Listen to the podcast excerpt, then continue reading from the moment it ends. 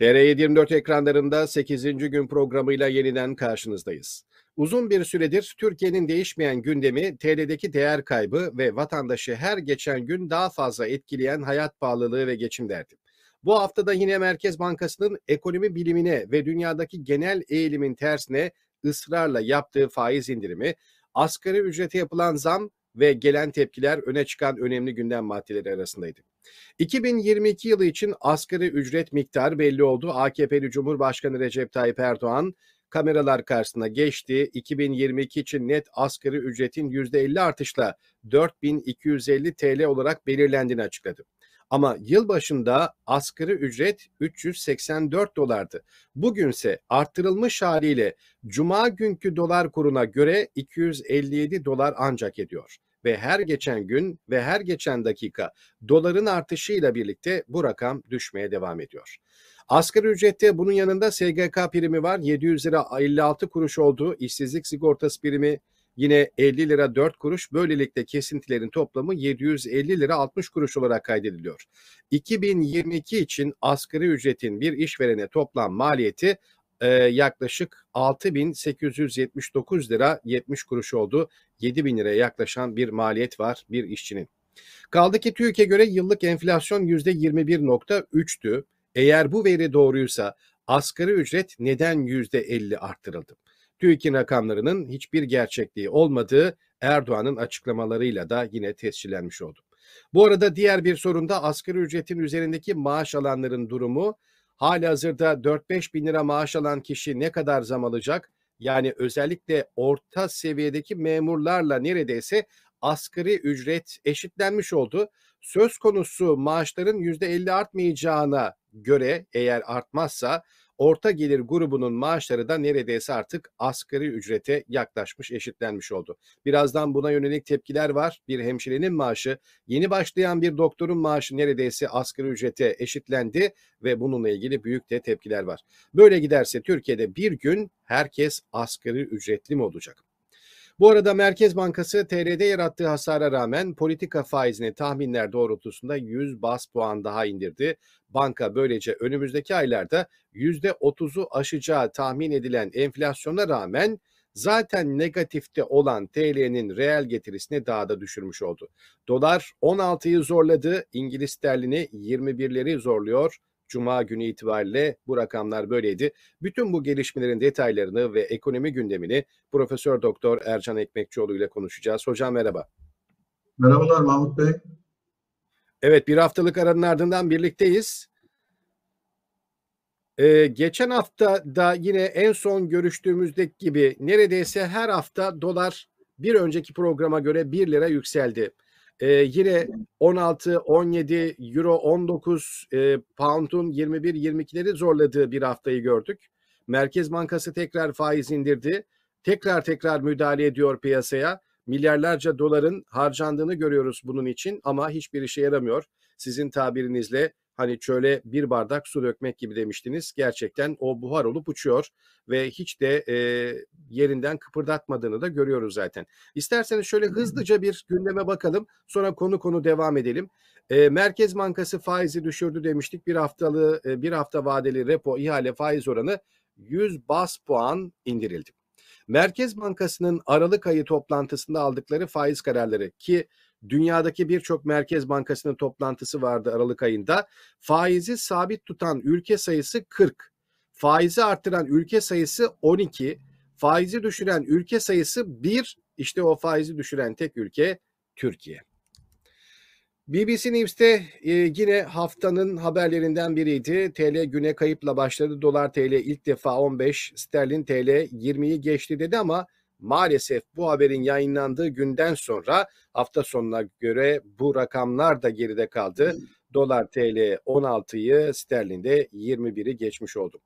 Evet Mehmet Altan'ın attığı bir tweet vardı hesabından atılan 50 yıl önceye döndük 10 Ağustos 1970 tarihli Milliyet gazetesinin manşeti evet paramız devalüe edildi başlığı kullanılmış haberde 1 dolar 15 lira oldu deniyor. Evet burada yine şekeri 60, gaza 35, benzine 36 kuruş zam yapıldı şeklinde.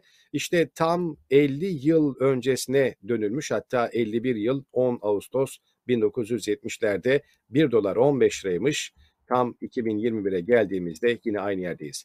İbrahim Haskoloğlu diyor ki 1 dolar 16.21 tabi bu tweetin atıldığı 17 Aralık 9.55 tarihi itibariyle 1 euro 18.25, 1 sterlin 21.43, 1 Bulgar levası 9.31, gram altın 925. Biraz sonra yine tweetlerde aktaracağız. Ee, Bulgaristan'dan akın akın Türkiye'ye herkes alışverişe geliyor. Niye? Bir Bulgar levasının 9.31 olduğunu işte burada görüyoruz ki Euro ile kazananlar da Türkiye'de 18.25 ile bozduruyor bu parasını. Evet bir başka haber şuydu az önce bahsettik. Merkez Bankası'nın ilk müdahalesi olan 1 Aralık'tan bu yana kur seviyesine düşme yerine %2.5'e varan seviyede bir yükseliş var. Ekonomistlere göre Merkez Bankası'nın kura müdahalesi rezervleri eritiyor. Peki TL hızla değer kaybederken şöyle bir haber gördük. Nerede değer kazanıyor? 50 kuruşu üretmenin 50 kuruştan fazlaya mal olduğu iddiası doğru. Teyit Ork'ta doğrulanan bir iddiadı bu. 0.686 ee, değerindeki bakır, 0.284 değerindeki nikel ve 0.032 çinko toplandığında 50 kuruşu basmak için maliyet 1 liraya ulaşıyor neredeyse. Yani şu anda Türkiye'de para basmak için özellikle madeni parada 1 liranın maliyeti özür diliyorum 50 kuruşun maliyeti 1 lirayı geçiyor. Evet bununla ilgili bir haber görmüştük. Türk lirasının değerlendiği tekniğer ne yazık ki hurdacı 2500 lira getiriyorsunuz 4000 lira götürüyorsunuz. İşte hurdacıda 2500 liralık madeni para 4000 lira yapıyor. Hocam asgari ücretle ilgili gelişmeye geçmeden önce isterseniz merkez bankaları böylesine kararlar alırken herkes faizi ya sabit tutarken ya da arttırırken ki İngiltere Merkez Bankası da son yıllarda hiç e, faizle ilgili arttırıma gitmemişti ama e, son 10 yılın neredeyse İngiltere'de de en yüksek enflasyon rakamları çıktı. Beşleri gördü. İngiltere için gerçekten yüksek bir rakam ve Merkez Bankası da İngiltere'de faiz arttırımı yönünde gitti. Şimdi bütün dünyada yüzde üçlerle yüzde beşlerle ifade edilen enflasyonlar bile gerçekten çok büyük e, olarak görülerek faiz arttırımına gidilirken Türkiye'de yüzde otuzlardan bahsettiğimiz, yüzde ellilerden bahsettiğimiz bir enflasyon sırasında Merkez Bankası'nın ısrarla faiz indirimine ne diyebiliriz? Evet, e, Mahmut Bey şöyle söyleyelim. Aslında bütün anlatacaklarımızın da bir özeti gibi olacak bu ifade. Türkiye tipik bir Venezuela Venezuelalaşma yoluna girdi diyebiliriz. Ee, nedir? Bugün itibariyle her ne kadar TÜİK'in enflasyon e, değeri bizim karşımızda yüzde 21 veya işte küsuratıyla e, belli bir rakamı ifade ediyor olsa da gerçekte artık e, piyasadaki hissedilebilir, hissedilen enflasyon oranının yüzde yüzlerin aştığı bir e, zamana ulaşmış durumda Türkiye. E, tabii bu e, yönüyle e, ne yapılacak? Ciddi anlamda bunun etkileri vatandaşça hissedilecek, bu derinleşerek hissedilecek.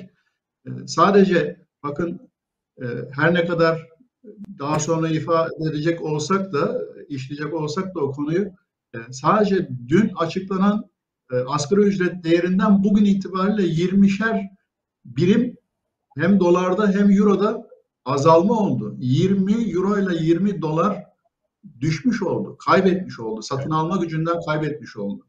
Şimdi bütün dünya şunu söylüyordu bu zamana kadar. Bunu da işlemiştik hatırlarsanız. E, enflasyonun geçici bir olgu olduğu düşüncesiyle hareket ediliyordu. Ha, yaşanan şu süreç, e, kısa dönemli bir süreç, 3 ayla 6 aylık bir geçiş dönemi Batı ekonomilerinde şu gerçeği artık kabul edilir noktaya getirdi. Bu enflasyon geçici falan değil.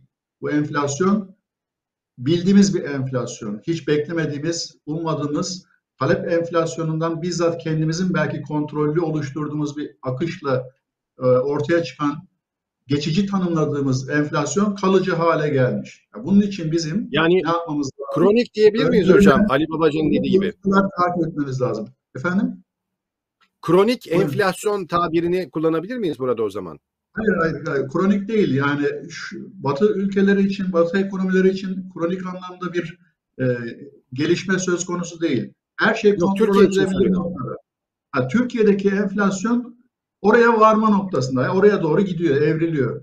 E, kontrolsüz bir şekilde gidiyor. Bunu zaten ifade ediyorduk hep. E, ama hiperenflasyon noktasına artık ulaşmış durumda. Bunun ilerisi o sözünü ettiğiniz noktaya varma noktası olacak. Şimdi e, niçin tipik bir Venezuela aşma dedik? E, o noktanın işte kontrol edilemez örneği Venezuela. E, Batı ekonomilerinin merkez bankaları bu anlamda e, ellerindeki bütün araçları çok dikkatli ve kontrollü bir şekilde e, müdahalelerle alakalı, gelecekte yapılacak, alacakları pozisyonlarla alakalı e, opsiyonlarını da değerlendirerek, imkanlarını da bütün ekonominin genel dengesi itibariyle göz önüne alarak ne yapıyorlar? E, planlıyorlar şu an. Bakın iki gün önce Merkez Bankası, Amerikan Merkez Bankası FED e, toplantı yaptı. Bütün dünyanın gözü oradaydı. E, aldıkları bir karar var. Hızlı bir şekilde Mart ayına kadar, Mart ayı dahil varlık alımlarını hızlandıracaklarını ve bunu o tarih itibariyle 2020'nin Mart ayı itibariyle bitireceklerini ve kademeli bir şekilde daha sonra faiz artırımına başlayacaklarını söylediler. İfade edilen şey şu, verilen takvime göre baktığımızda toplam 8 dilimlik bir faiz artırımı söz konusu. Bakın 8 defa faiz arttırmayı şu an planlamaya koydu. Haritasında var. Amerikan Merkez Bankası FED'in. Benzer şekilde Avrupa e, Merkez Bankası'na baktığımızda da be, aynı şeyi görüyoruz. Çok dikkatli bir şekilde izliyoruz diyor Merkez Bankası Başkanı. Çok dikkatli bir şekilde izliyoruz, takip ediyoruz. Yani hiçbir şey kontrol ötesinde değil, kontrol dışı değil. Dolayısıyla ellerindeki e, bütün politikaların para politikası olabilir, diğer e, regülasyonlar olabilir. Her bir türlü e, şeylerin müdahale imkanlarının dikkatli bir şekilde alınmaya çalışıldığını bu gerçeği görüyoruz izlediğimizde. Benzer şeyi İngiltere de yapıyor. Birleşik Krallık da yapıyor. Benzer şeyi Japonya da yapıyor. Avustralya da yapıyor. Ha, istisnası tek görülen ülke az önce de ifade ettiğiniz gibi maalesef Türkiye inanılmaz bir zamanlama hatasıyla nasıl bir irade ise büyük bir hatayla, yanılma, yanılmayla e, belki kasıtla e, ne oldu? Faiz indirimine gidilen bir döneme sokulmuş oldu Türkiye. Ve bu ister istemez ciddi anlamda şu sadece iki haftalık döneme baktığımızda Türk halkı üzerinde ciddi bir fakirleşmenin etkisinin e, oluştuğunu sözünü ettiğimizin de çok daha ileri bir ivmeyle e, söyleyebiliriz. Ha, bunun da mutlaka bir amacı var. Kasıttaki ifadem oydu zaten. Bir amacı var. Yine programın başında ifade ettiğiniz nokta vardı. E, olağanüstü hal meselesi. E, acaba buna bir geçiş vesilesi kılınabilir mi? Bu Türk lirasındaki değer aşınması. Çünkü inanılmaz bir değerli aşınması var.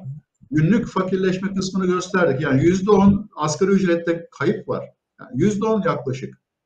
E, dolayısıyla bu bir vesile edilebilir e, diye düşünüyorum. E, tabii bütün bunların her birisi zaten var olan belirsizliği çok çok daha karanlıklaştırıyor, karanlık hale getiriyor. E, dolayısıyla bütün bunların her birisi ister istemez reel sektörü ki umut edilen o cari açığı düşürecek e, savıyla e, güçlendirilmeye çalışılan bu modelin, ekonomik modelin reel sektör bacağı, önemli bir bacak, ayak burası, e, inanılmaz derecede sekteye uğruyor. Yani içinden çıkılamayacak bir noktaya götürüyor. Ki bugün itibariyle baktığımızda e, parlamentodan geçmiş bir yasa teklifi var. Nedir o? Stokla ilgili düzenlemeler var. Hapis cezasından tutun para cezasına kadar öngörülen bazı müdahaleler var. Piyasa, çalışan piyasa yapısına müdahaleler var. E, her ne kadar iktidar e, ilgilileriyle piyasa, işleyen piyasa mekanizmasına müdahalenin olmayacağı, e, gerekleri neyse o şekilde devam edileceği garantisi verilmiş olsa da ki zaten asıl noktalardan bir tanesi de bu belirsizliğin yanı sıra güvensizlik. Onun içindir ki yeni taze burnu çiçe burnundaki çiçeğiyle bakan ısrarla ifade ettiği nokta güven, güven, güven, güven tavsiyesi. Evet, bize bunlar tavsiyeyle oluşmuyor. Tavsiyeyle olmuyor. Dikkatinizi çekerse bakın az önce örnek verdik. İlgili kurumlar ve kurumların yöneticileri çok dikkatli bir politikayı takip ediyorlar. Ve bu politika şahsi bir politika değil. Bir ortak aklın ürünü politika. E, Dolayısıyla e, bu benzer uygulamaların dünyadaki başarılı benzer uygulamaların bir problem var ortada. Evet doğru. Küresel bir problem. Çok dikkatli müdahale edilmesi lazım. Çok dikkatli hareket edilmesi lazım. Halkın da bununla alakalı ciddi hazırlanması lazım, bilgilendirilmesi lazım. Bakın bunların hepsi Avrupa'da, Amerika'da yapılıyor. Halk hiçbir konuda bilgisiz değil. Her konuyla alakalı bilgisi var. Teferruata kadar ilgili kısma, taraflara ayrıntılı bilgiler sunuluyor, aktarılıyor. İşletmelerin kör noktaları yok. Bakın burası çok önemli yine. İşletmelerin kör bir noktası yok. Çok rahat bir şekilde iki yıllık planlamasını yapabiliyor. Üretim modellerini buna göre oluşturabiliyor. E şimdi baktığımızda Türkiye gerçeğinde karşımıza çıkan bir şey 6 ay sonrasında enflasyonun düşeceği ifadesi var. Yani neye göre siz 6 ay sonrasında enflasyonun düşeceğinden bahsedebilirsiniz? Dünyadan uzak bir bağımsız ayrı ülke mi Türkiye? Hayır. Küresel sisteme entegre olmuş, birlikte çalışan, e, ihracatı, ithalatı olan e, dışa açık bir ekonomiden bahsediyoruz. Dışa açık ekonomiler örnekte verdiğimiz gibi benzer etkileri yaşıyorsa, bu noktaya varıyorsa aynı şeyin Türkiye'de de beklenmesi beklenir. E, ortaya çıkması beklenir. E şimdi neye göre siz o zaman 6 ay sonra enflasyonun düşeceğinden bahsedebilirsiniz? Bütün bunların her birisi hem reel sektörde hem hane halkında e, bu anlamda güvensizlik oluşturuyor. Bu güvensizliğin oluşması da maalesef bu e, yaklaşık 3 ayın içerisinde 5 puanlık yani 500 bas puanlık bir indirimden bahsediliyor. E, etkileri yaşanacak, gösterilecek. Şimdi öyle bir şey ki gelinen nokta e, evet politika faizi belki yüzde on dörde düştü. Evet ama borç verilebilir fonlar piyasasına baktığımızda yüzde yirmi ikilerde. Peki aradaki fark ne oluyor? Nereye gidiyor? Aradaki fark yine kamuya kalıyor. Kamunun zaten enflasyon yönünde ciddi e, handikapları var, sıkıntıları var, fakirleşmesi var. Bir de ilave bu kredilerle benzer e, piyasalardaki aradaki re, eksi reel faiz dediğimiz kısım da kamunun sırtına yükleniyor, hazinenin sırtına yükleniyor. Bunun şöyle bir kötü tarafı da var. E, crowding out dediğimiz e, dışlama etkisi devlet bunu bilerek yapıyorsa reel sektörün burada rol alması, pozisyonun yüklenmesi şansı zaten yok. Kalmaz. Devlet bunu yapıyorsa devletin karşısına çıkacak hiçbir aktör yoktur ülke bazında. Dolayısıyla e, maalesef e, gidilen gelinen nokta ve daha sonrası hep ifade edilen sözümüzü teyit ediyor. E, bugün yarından daha iyi noktası. Yarınlar evet. bugünden daha kötü olacak. Hocam asgari ücret meselesine biraz değinelim isterseniz. Asgari ücret 4250 oldu dedik az önce. E, asgari ücretteki artışın son 45 yılın en yüksek artışı olduğu söylendi ama e, DİSKAR, DİSK Araştırma Merkezi bunun doğru olmadığını bir tabloyla ortaya koymuş. Asgari ücrette önemli olan zaten artış oranı değil alım gücü ve geçinmeye yetip yetmediğidir demiş. 1976'dan 2022'ye kadar olan ortalama bürüt asgari ücret artışlarını da bir tabloyla göstermiş. Yıllara göre işte 1970'lerden 76'lardan 2022'ye kadar ki en büyük artışların yine 1996-1999 yıllarında neredeyse %114'lerle %111'lerle olduğunu görüyoruz. Yani son 45 yılın en büyük artışını yaptık sözleri doğru değil ki burada AKP'nin iktidara geldi. 2002 yılından sonra e, en ilk geldiklerinde %64'lerde olan zamların yavaş yavaş azaldığını görüyoruz. Son zamanda yapılan artış da zaten %40'lar civarında. Evet, önemli olan asgari ücretteki artış mı peki? Muhalefet partileri asgari ücret zammı için ne söyledi? Tip dedi ki asgari ücrette sen yaşa Erdoğan dedi. Demokrat Parti asgari ücretteki artış geçmiş 20 günde kaybettiği kadar diyordu. HDP bir lütufmuş gibi sunulan yeni asgari ücret işçilerin derdine deva olmayacak diyordu. Evet 2021 yılı asgari ücret 380 dolardı. 2022 yılı asgari ücret 274 dolar deniyor ki e, az önce de söyledik. Tabi bu tweetlerin atıldığı saatlerdeki dolar kuruna göre bu 274 dolar neredeyse cuma günkü rakamlara göre 250-260 dolarlara kadar da düşmüştü. Dolar bazında asgari ücrete zam yapılmadı. Aksine 106 dolarlık bir indirim söz konusu diyor. Alım gücü dipleri görmüş durumda. 106'nın daha da arttığına da dikkat çekelim. Evet e, yine bir başka ayrıntı asgari ücret 4250 TL oldu. Erdoğan dolar üzerinden hesap yapmayın dedi kızdı. Yani TL kullanıyoruz biz Türkiye'de dedi. Niye dolar üzerinden konuşuyorsunuz dedi. O da soruyor tabii Berkant Gültekin. Reis sen neden kamu ihalelerini dolar garantili yaptın o halde? Ayşe Aydoğdu'nun tweetine bakalım. Asgari ücret dün açıklandığında 274 dolardı. Bugün 263 dolara düştü. Bunu 17 Aralık tarihiyle söylemiş e, ve asgari ücretle dün açıklandığında 3 çeyrek altın alınabiliyordu. Bugün 2.8 çeyrek altın alınabilir. Herhalde şu dakikada baksak o çeyrek altınla ilgili rakam biraz daha düşmüştür. Şimdi yıllara göre asgari ücret ve çeyrek altınla ilgili bir tablo geliyor şu anda ekrana. Bakın 2003 yılında bir asgari ücretli 318 liralık asgari ücretiyle 22 liraymış o zaman çeyrek altın yaklaşık 14.45 çeyrek altın alabiliyormuş yaklaşık 15 altın. Bu yıllar içerisinde giderek eriyor bakın ve geldiğimiz noktada 2020'de 3.3'e düşmüş 2324 liralık asgari ücret çeyrek altın 700. Ama ne kadar oldu şimdi? Çeyrek altın 900'lerin üzerinde ve bir çeyrek e, iki küsür çeyrek altın ancak alınabiliyor e, maalesef bu asgari ücretle. İşte e, hem dolar bazında hem de altın bazında asgari ücretin nasıl eridiğini gösteren bir kaynak. Doktorların e, şikayetleri var. Sağlık sektöründe büyük bir tepki vardı. Asgari ücret 4250 lira hayırlı uğurlu olsun inşallah demiş bir doktor. Uzman doktor maaşının 5500 lira olduğunu söylemiş. Saygılar demiş.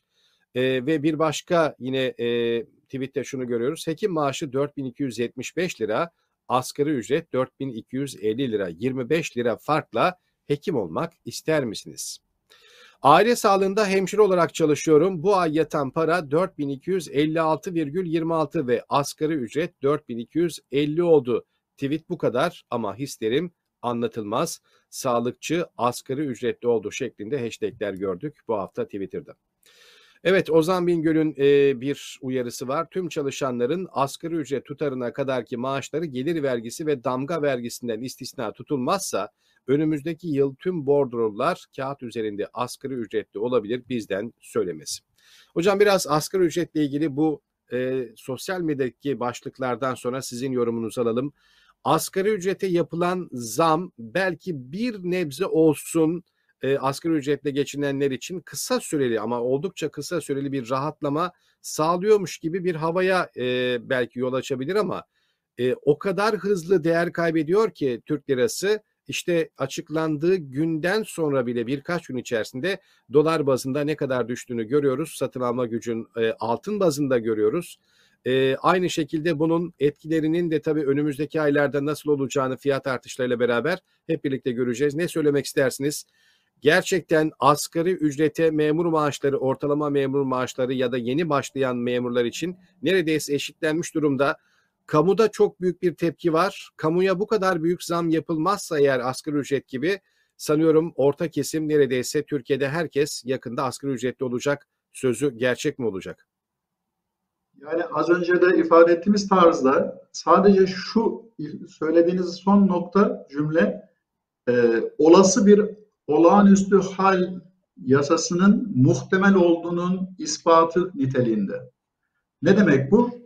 Ee, hatırlarsanız yine geçmiş programlarda benim ifade ettiğim bir şey vardı. Asgari ücretin olabilir ölçeği vardı. Gelir, açıklanabilecek muhtemel seviye 3750 Türk lirası demiştim. Ha, onun arası yaklaşık 500 lira fazlası oldu. O dahi çok ciddi bir şeydi. E, karşılıklı tarafların e, asgari ücret tespit komisyonunda e, mutabık kalmasının zor olacağı ama elde edilirse de e, iyi bir sonuç olacağı ama bu e, döviz kurlarında zıplama olmadığı takdirde, sabit kaldığı takdirde ifade ettiğimiz bir cümleydi. E şimdi geldiğimiz nokta maalesef e, bu e, asgari ücretli kesim evet çalışan nüfusun e, yüzde ellisinin üstünde bir rakam e, yüzdeden oluşuyor. E, bu önemli bir miktar. Bir ekonominin istihdam edilmiş ekonominin yekünü itibariyle baktığımızda aslında ne kadar çarpık bir ekonomik modelin yapının olduğunun da ispatı göstergesi belki bir yönüyle. Şimdi geldiğimiz şey şu, maalesef Türk halkının yanıldığı, yanılsadığı temel noktalardan birisi bu. Hep nominal değer üzerinden hareket ediyor, bakıyor, ölçeklendiriyor. Nominal değerden ziyade, ücretten ziyade biz ekonomistlerin dikkate aldığı, önemsediği temel nokta reel ücretlerdir. Reel ücretleri ne niçin ele alıyoruz? Dikkate almak durumunda kalıyoruz. Çünkü gerçek satın alma gücünü gösteren şeydir o, ifadedir. E şimdi e, 4250 küsür lirayı onun için biz dolara veya e, euroya çeviriyoruz. Neden? Ölçeklendirilebiliyor. Onun satın alma gücünü net bir şekilde bize gösterebiliyor. Nominal ücret cihetiyle yanılsamaktan uzaklaşmamızı sağlıyor. Ee, enteresandır. Ee, Cumhurbaşkanı Erdoğan bu önemli noktayı açıklamasında derhal ne yapmak istedi? Kapatmak istedi. Dedi ki sakın ha bir daha bakın e, dolarla veya euroyla bunu e, tespit etmeye kalkmayın. Biz Türk lirasıyla e, alışverişimizi yapıyoruz. E, ekonomimizi çeviriyoruz. Milli paramız Türk lirasıdır. İyi de e, iki hafta, hadi bir ayda Türk lirasının ulaştığı değer kaybı kimin mahareti, kimin yönetiminin zafiyeti? E, e, orada bu Türk lirasının e, gücünü niçin düşünmedi muktedirler, iktidarlar, iktidar yöneticileri? E şimdi şey itibariyle baktığımızda az önce programa başlarken söylediğiniz bir nokta belki yanıltıcı oldu. E, işverene toplam maliyeti e, 5880 Türk lirası yaklaşık 6000 liraya denk geliyor.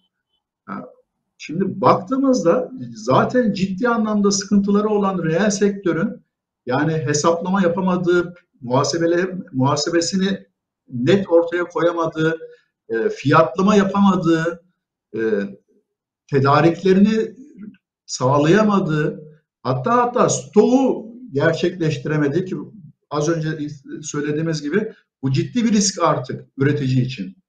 Yani siz e, enflasyona karşı e, maliyetinizi düşürme adına imkanınız da varsa şimdiden belli bir miktar e, stok yaptığınız takdirde üretim maksatlı, bakın kara borsaya niyetlenerek değil, üretim maksatlı stok yaptığınız takdirde bu da bir suç olacak şu an.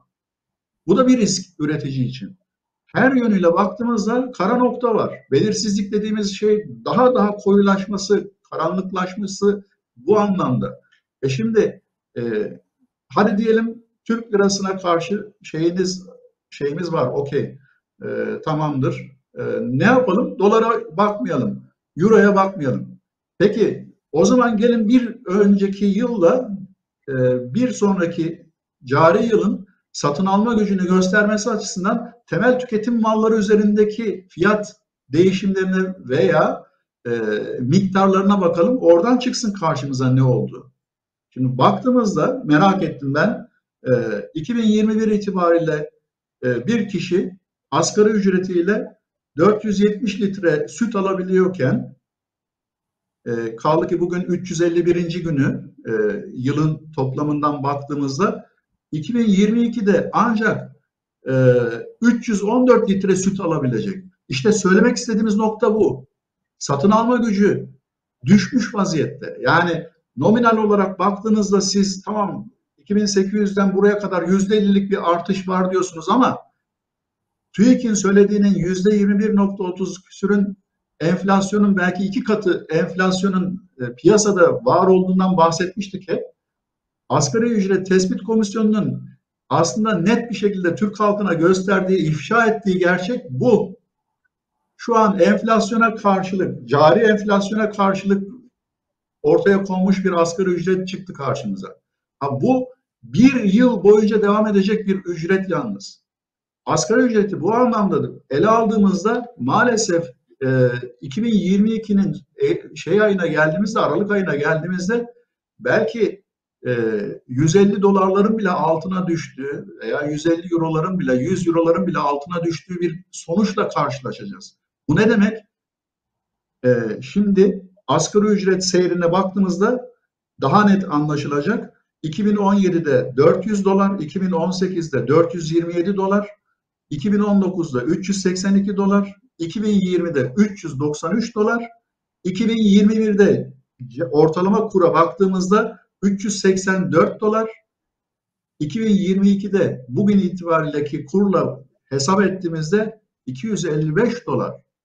Yani sadece 2021'e göre dahi 130 dolarlık bir kayıp söz konusu. Aynı evet. erime 2020 içerisinde 22 içerisinde de devam ettiği takdirde bunu yarıya düşürdüğünüzde 150 e, dolarların altında bir asgari ücret konuşuyor olacağız.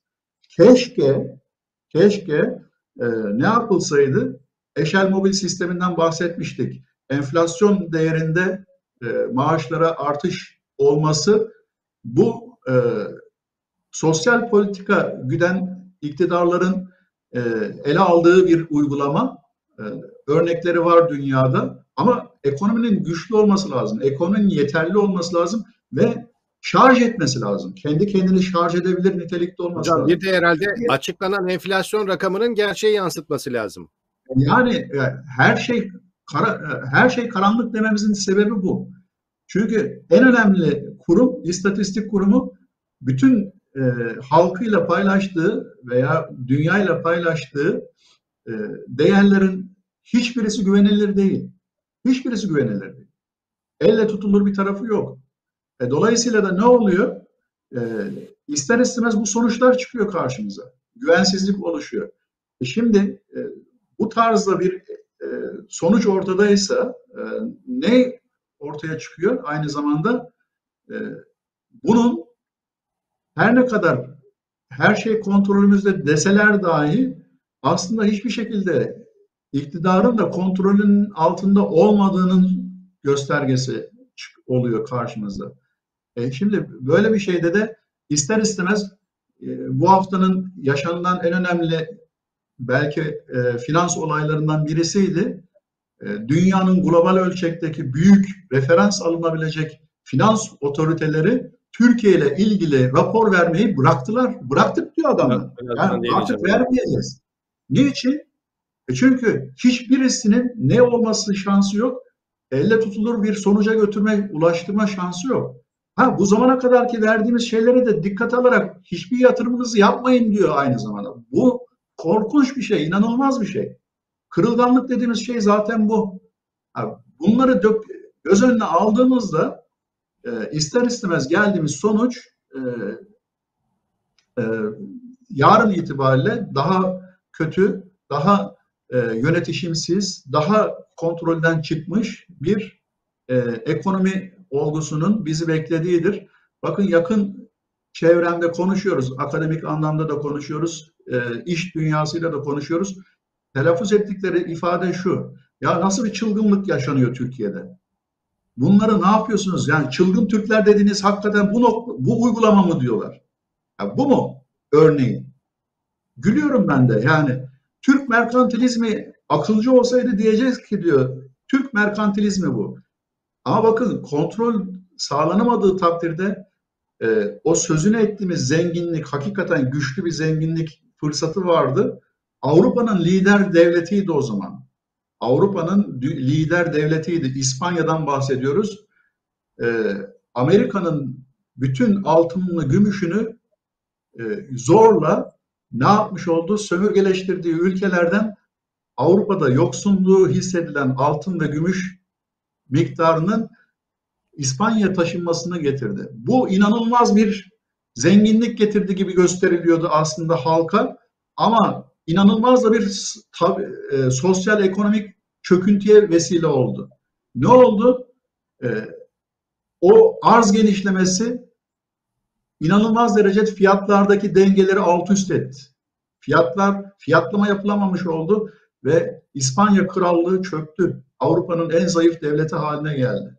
E bugün baktığınız geldiğimiz noktada ifade ettikleri bakın dünyayı nasıl takip ediyor. Şimdi biz zannediyoruz sadece e, Türkiye e, biz yaptığımız şeyleri biz kendimiz biliyoruz. Hayır. Dünya bizden daha iyi biliyor. Daha iyi takip ediyor, izliyor ve kararını ona göre veriyor. Optimal ve rasyonel karar veriyor. Şimdi e, Alman Ticaret Odası şu açıklamayı yaptı. Ekim ayı için yapılan bir açıklamadan bahsediyorum. Dediler ki bir dakika arkadaş bizim en önemli partnerlerimizden birisi, ticaret partnerlerimizden birisi Türkiye. Bu arada da söyleyelim en önemli ticaret partneri olsa dahi sıralamaya koyduğumuzda 16. sırada Türkiye. Buna rağmen ölçeklediğinde diyor ki Ekim ayı itibariyle şimdi Türkiye'de ne diyorlardı? Cari açığı biz bu düşük e, kurla ne yapmış olacağız? E, Türk lirasının zayıflamasıyla karşılamış olacağız. Daha fazla ticaret yapacağız. Daha fazla dolar kazanacağız, euro kazanacağız ve cari açığı düşüreceğiz. Bu da bir zaman sonra bize ne getirecek? Refah getirecek. Yatırımlarımızı daha da zenginleştireceğiz, arttıracağız. E, şimdi karşı, karşımızdaki muhataplar da şuna bakıyor. Diyor ki bir dakika bizim diyor geçtiğimiz aya göre Almanya aleyhinde yüzde otuzluk bir marş çıktı diyor. Yüzde otuzluk bir ticari dezavantaj oluştu Türkiye lehine. Bu ne olması lazım diyor? Dengelenmesi lazım. Çünkü bu aynı zamanda Alman ekonomisine de bir olumsuzluk olarak yansıyor. Ölçeklendirmiş, planlamış, ona göre öngördüğü bir şey var, e, değerler var. E, gelinen noktaya baktığında adamlar yüzde otuz için dahi söyledikleri şey bu. Ticaretimizi buna göre tekrar gözden geçirmemiz lazım. Evet, şimdi bu yönüyle baktığımızda Türkiye'nin o e, yöneticilerinin ifade ettiği e, rekabetçi kur meselesi aslında e, gerçekten bir fırsat olarak çıkmayacak karşısına Türkiye'nin. Muhatap gelişmiş ekonomilerin birçoğu bu açıdan bakacak. Diyecek ki bir dakika sen benden ne kadar mal alıyorsan ben senden bu kadar alacağım. Yani evet. bunu dengeleme, denge e, ticaret, dış ticaret. E, şimdi Ve Türkiye'de bu, alırken o yüksek dövizden alacak. Yani şimdi bu bozulduğu takdirde ne yapacak? Bunu hemen tedbirine müdahale, e, müracaat edecek. E, dolayısıyla da o fırsatın Türkiye açısından oluşmayacağı sonucu çıkıyor karşımıza. Ve bu böyle olduktan sonra da gittiğimiz nokta bizim çok daha fakirleştiğimiz bir nokta. Halkın çok daha alım gücünün düştüğü, çok daha muhtaç, gereksinim, ihtiyaç duyduğu, birçok şeye ihtiyaç duyduğu sonucu çıkıyor. E şimdi temel gıdalardan bahsettik, ortaya çıkan sonuçtan bahsettik. Bir insan haftada diyelim ki şu kadar gün şunu yiyorsa, yumurta yiyorsa şimdi ayda belki şu kadar gün yiyecek.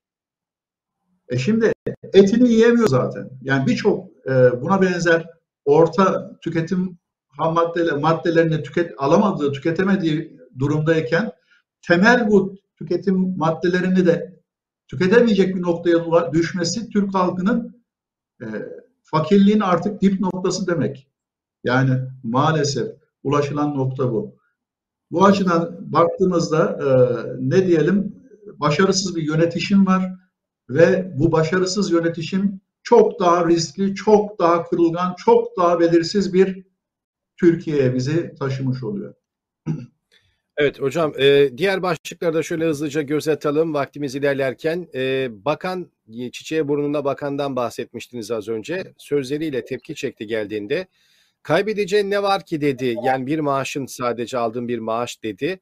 Ömer Faruk Gergerlioğlu da bu sözlerin kibrin, umursamazlığın, vicdansızlığın söze dökülmüş tablosu olarak değerlendiriyor. Ee, bir başka tweette sen maaş alıyorsun en fazla neyini kaybedersin demişti Nebati. Ee, ben bin kişi çalışıyorum yanımda ben bütün işimi, bütün gücümü, bütün varlığımı kaybederim şeklinde bir örnek vermişti.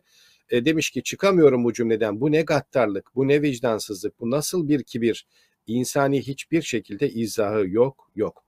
Evet Levent Özeren de diyor ki dolarla mı maaş alıyorsunuz sözüyle sizin kaybedeceğiniz bir maaşınız var ben her şeyimi kaybederim sözünü birlikte düşünün. Ve koskoca Türkiye Cumhuriyeti hazinesinin kimlere teslim edildiğini o düşüncenin peşine takarak bir daha düşünün.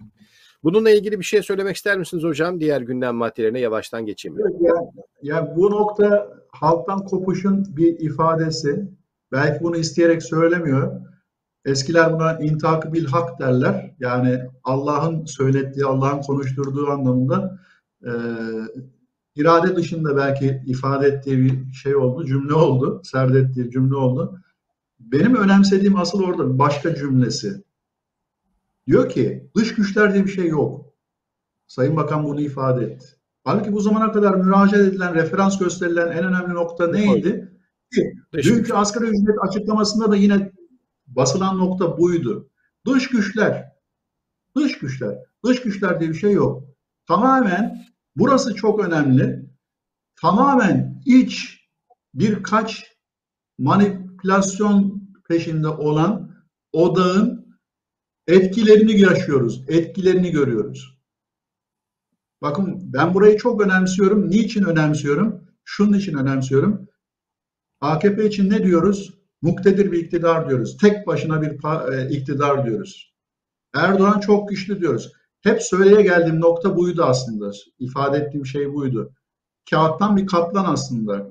Yani e, o kadar çok ön plana çıkartılması veya her şeyin mazereti gösterilmesi belki gerçek hakikatteki muktedirlerin e, etkilerinin örtülmesine vesile oluyor. Hayır. Bu nokta önemli. Niçin önemli?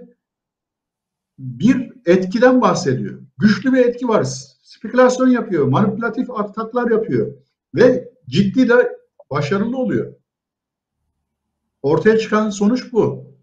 Ve Merkez Bankamız diyor buna karşı ne yapıyor diyor? Gerekli hamleleri atıyor, yapıyor. Elinden geldiğince mücadele ve karşı çıkmaya çalışıyor diyor ataklarla. Ya şimdi gerçek bir muktedir olsanız, iktidar olsanız bunun ifade edilmesi bile korkunçtur. Demek ki sizin gücünüzün yetmediği ülke içerisinde çok daha büyük aktörler var. Finans aktörler var. O zaman geldiğimiz nokta nedir? Veya gidilecek nokta nedir? Ben şey noktalarını çok sevmem. Yani komplo o bu e, şeylerine bakmam fazla ama görünen şey şu ki e, bir yönüyle e, belki e, Amerika'nın bir zamanki Orta Doğu için e, ifade edilen bir benzer politikası tarzı Türkiye için de bir zorlama kanırtılarak getirilen bir nokta aşama var. Oraya doğru gidiliyor. Hep beraber götürülüyor diyebiliriz. Yani ne olacak o nokta? Ee, AKP'nin tamamen savrulduğu, AKP'nin artık etkisinin hiçbir şekilde hissedilmediği e, ve belki toplumun büyük bir kesiminin yanıldığı şu noktada önemli.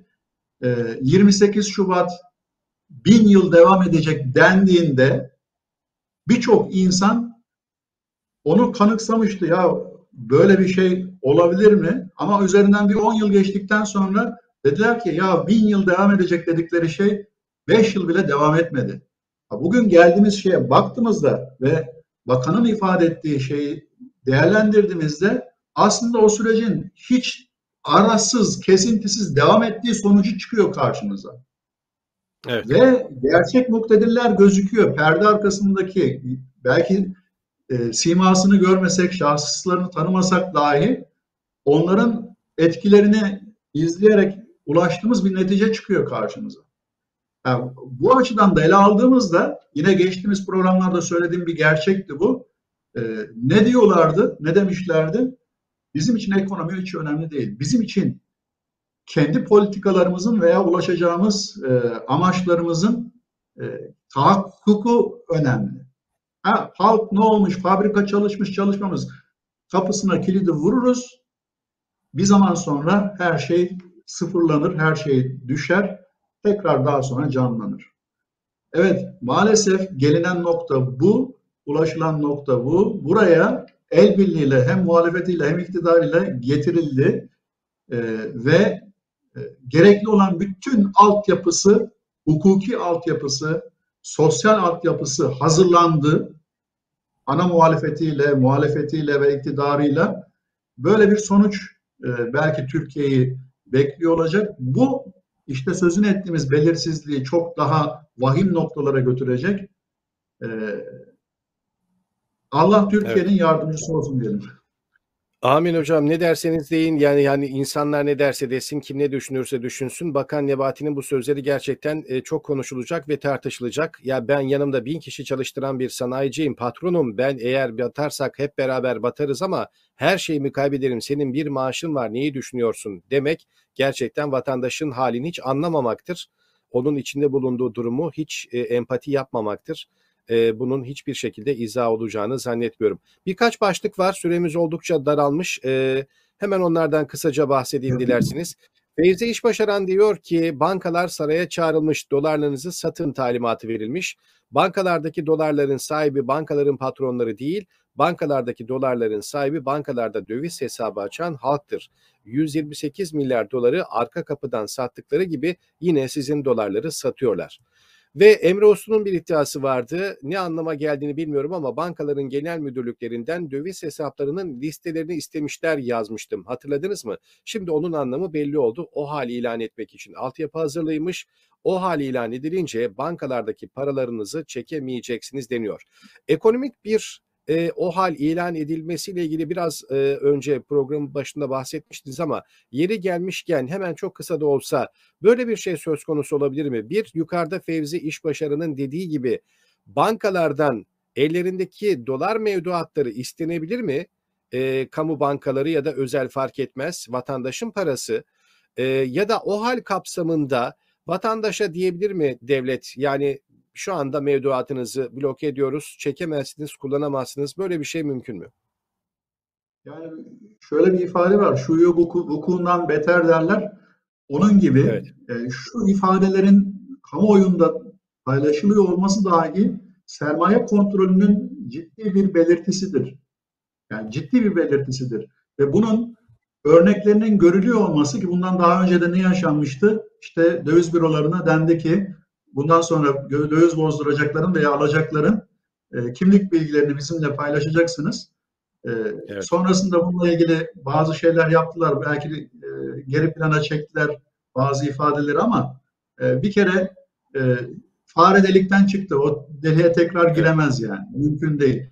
E, dolayısıyla bütün bunların her birisi ister istemez e, ne yapıyor? Bu şüpheleri pekiştiriyor. Ha, o hal dediğimiz nokta e, ha, şunu söyleyebilirler, şunu söylüyorlar da haddi zatında diyorlar ki ya ne olacak o hal gelse de işte yaşadık zaten işte bir 15 Temmuz sonrasında da bir o hal vardı. Bakın o kontrollü bir o haldi. Şu anki o hal gelecek muhtemel bir o hal e, o o halin belki beş misli etkiyle vatandaşa veya e, piyasalara yaşa, şey yapacak, tesirini gösterecek orada görmediğimiz çok şeyin burada artık önümüzdeki planda uygulanmaya başladığını göreceğiz. Onlardan bir tanesi de bu sermaye kontrolleri. Sıkı bir şekilde sermaye kontrolü.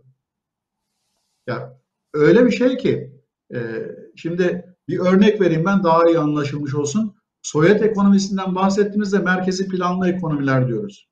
Öyle ki yani bir ülkedeyken e, bir kolhoz müdürü ki o e, muktedirdir yani o bölgenin muktedirlerinden, ekonomi muktedirlerinden birisidir, söz sahiplerinden birisidir.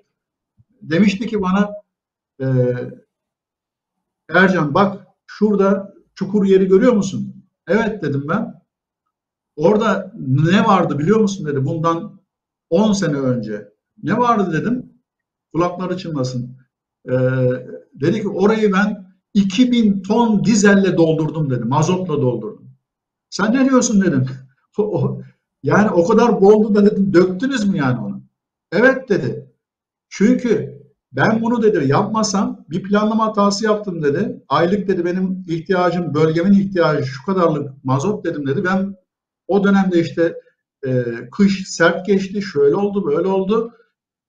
Çok az miktarda mazot tüketebildim. Traktörler çalışmadı ve birikti. Zaten stokum dolu diyor yani. Ne yaptım? Ee, yeni parti gelirken mecbur eski stokları dökmek zorunda kaldım. Eğer ben deseydim ki yazsaydım e, ya ben elimde zaten işte 1800 tonluk bir stok var. E, 2000 ton stoku ben bu ay almayayım. Ondan sonraki ayki stok gelsin. O zamana kadar tüketmiş olurum. Benim diyor stoğum, bana ayrılan stoğum belki yarı yarıya düşecek. Belki dörtte bire düşecektir. Şimdi böylesine bir şeyden bahsediyoruz. E, kaostan bahsediyoruz. O noktada artık ekonominin verimliliği, ekonominin e, denetimi, ekonominin e, nasıl diyelim e, çalı, asgari koşulda ahlaki çalışması dikkate alınmayacak. NAF dediğimiz eskilerdeki uygulamalar devlet belki bir şey koyacak, temel bir fiyat koyacak. Diyecek ki şu üretici için bu zaten bitiş demek. Ee, tüketici için kalitenin inanılmaz derecede düşmesi demek. Ee, temel bazı şeylere karneyle belki hesaplı miktarda ulaşmak demek. Ha, bütün bunların her birisi senaryo, e, felaket senaryosu gibi gelebilir. Ama muhtemel gidiş bu nokta. Geldiğimiz noktalar, yaşanılan noktalar o noktalara veya o sözünü ettiğimiz muhtemel senaryoların oluşabileceğinin de kanıtı aslında. Bunun önünün kesilmesi gerektiğinden bahsettik. Muhalefetin ne yapması gerektiği dedik. Şişen yelkenlerini bu halde tutabilmesi için e, rasyonel davranması, ortak davranması, hareket etmesi gerektiğinden bahsetmiştik geçtiğimiz programda. Görüyor musunuz karşımıza çıkanı? Nasıl bir şeyle bu şişen yelkenler yırtıldı ve rüzgar kaçırıldı. E şimdi bu anlamda e, çok dikkatli hareket edilmesi lazım. Hem halkın bilgilendirilmesi lazım. Ha, bu yüzde 15, yüzde 20 belki hiçbir şekilde dikkate gelmeyecektir, anlamayacaktır bu sözünü ettiğimiz şeylerin, bilgilendirmelerin. Ama önemli bir kısmı eğer bu konuda e, öncesinden haberi olursa ve muhalefete destek verirse belki bu kara plan, kara tablo e, ne yapılabilir? E, alabildiğine gündemden uzaklaştırılabilir veya alabildiğine yumuşak hale dönüştürülebilir. Aksi takdirde maalesef şeyi umut vermiyor yani. Evet son e, artık toparlayalım dakikalarımız ilerlemiş. E, 17-25 Aralık'ın tabii ki yıl dönümündeyiz. Savaş Genç Hoca da 17-25 dosyasında halkın cebine girmesi gereken milyarlarca doları rüşvet karşılığında göstermelik altın ticaretiyle İran'a iade eden hırsızlık şebekesine sahip çıktığınız için adamlar yolsuzluk düzeni kurdu ve iflas ettiniz. Özet bu, ülkeyi birlikte batırdınız diyor 17-25'e sessiz kalanlara da. Evet 17-25 ile ilgili de tabii e, belki rakamlarla da ilgili benzetmeler yapanlar oldu. 17-25'in yıl dönümünde dolar 17'ye çıktı. Neredeyse sterlinde 25'e doğru ilerliyor. Bu da ayrı bir tabii ki anekdot. Ee, ekmek kuyruğunda ağlayan bir amca vardı. Sosyal medyada çokça dolaştı bu görüntü. Ülke doğudan batıya yağmalanıyor. Ee, doğudan batıdan vatandaş ucuz ekmek kuyruklarında ağlıyor. Hakkımı helal etmiyorum devletimiz nerede neden görevini yapmıyor diyordu. Devletimiz utansın diyordu. Bu amca ile ilgili gazeteci Sevgi Akar Çeşme demiş ki bebekler ve onların masum olduğunu bal gibi bildiğiniz ana babaları hapsedilirken, insanlara işkence edilirken, kanser hastaları ölüme terk edilirken devletimiz utansın diyebilseydiniz şimdi demek zorunda kalmazdınız. Evet bu da bir başka nokta. Türkiye'nin geldiği noktada hocam siz e, sütten, ekmekten, etten hep böyle örnekler veriyoruz alım gücüyle ilgili. Ama bakın e, tuvalet kağıdının bile Türkiye için artık bir lüks haline geldiğini gösteren bir örnek. Özlem Akarsu Çelik diyor ki hastanede bir yakınımın refakatçisiyim. Görevliye tuvalet kağıdı sordum. Ekonomik kriz nedeniyle kağıt yok dedi. 20 yıllık iktidarları boyunca 80 yıl önceki savaş yıllarını hatırlatıp bunlar karneyle ekmek dağıtıyordu diyenler bizi 2021'de tuvalet kağıdı bulamaz hale getirdi. Tuvalet kağıdının 130'larda olduğunu söylemiştik e, geçenlerde. Evet porsiyonlarınızı küçültün diyorlardı ya işte saraydan. Porsiyonları gerçekten küçültmüşler. Gerçekten içler acısı bir tablo. Bakın e, burada bir kaşar var ama iki dilim kaşar sadece ve dilimler o kadar ince ki zar gibi neredeyse arkası görünüyor. 2.20 lira bu birkaç gramlık kaşar. Eskiden simit kaşar simit peynir hesabı vardı. Simit çay hesabı. En azından e, insanlar bir simit yanına biraz da kaşar peynir ya da peynir alıp o öğünü atlatırdı. E şimdi simitin 3-3,5 lira olduğunu, kaşarın da işte 2 zar gibi diliminin 2,5 lira olduğunu düşünürsek bu bile gerçekten hayal. Porsiyonlar ister istemez küçülmüş bile.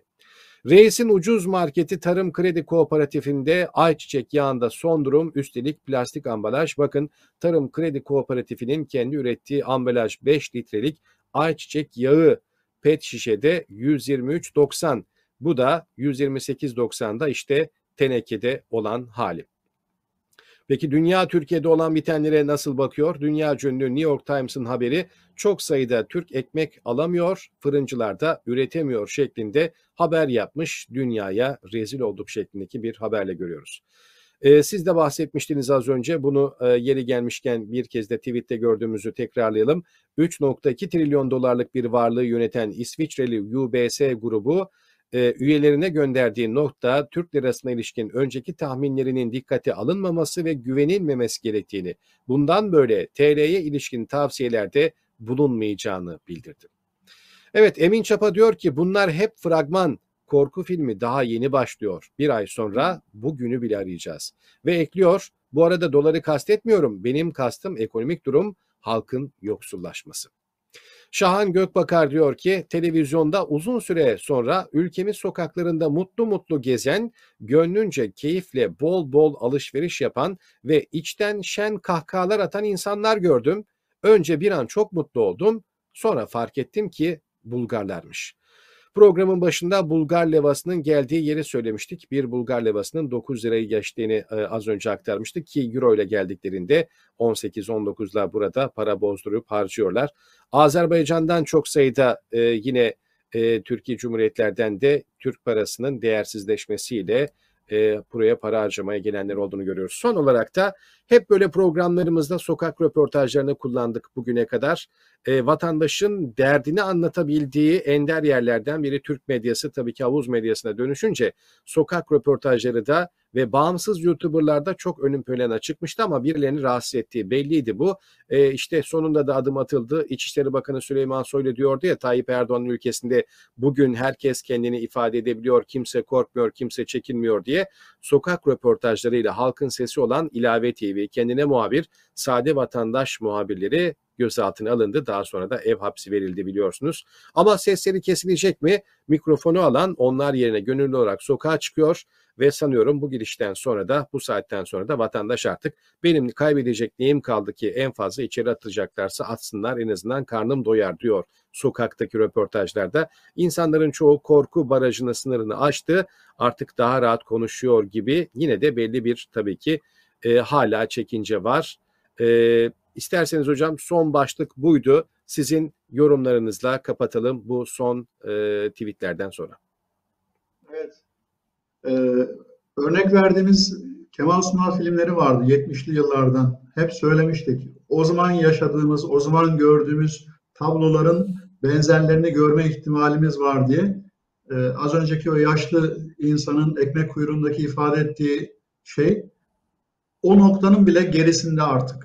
Bakın o noktanın bile gerisinde 50 yıl önceki e, Türkiye gerçeğinin gerisinde e, maalesef Türkiye e, batma noktasına getirilmiş bir durumda.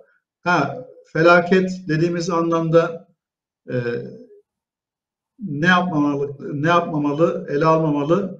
E, eğer gerekli şey yapılırsa, teya, e, refleks gösterilirse, ona karşı teyakkuz gösterilirse, e, hiçbir şey için umutsuzluk e, taşımamalı.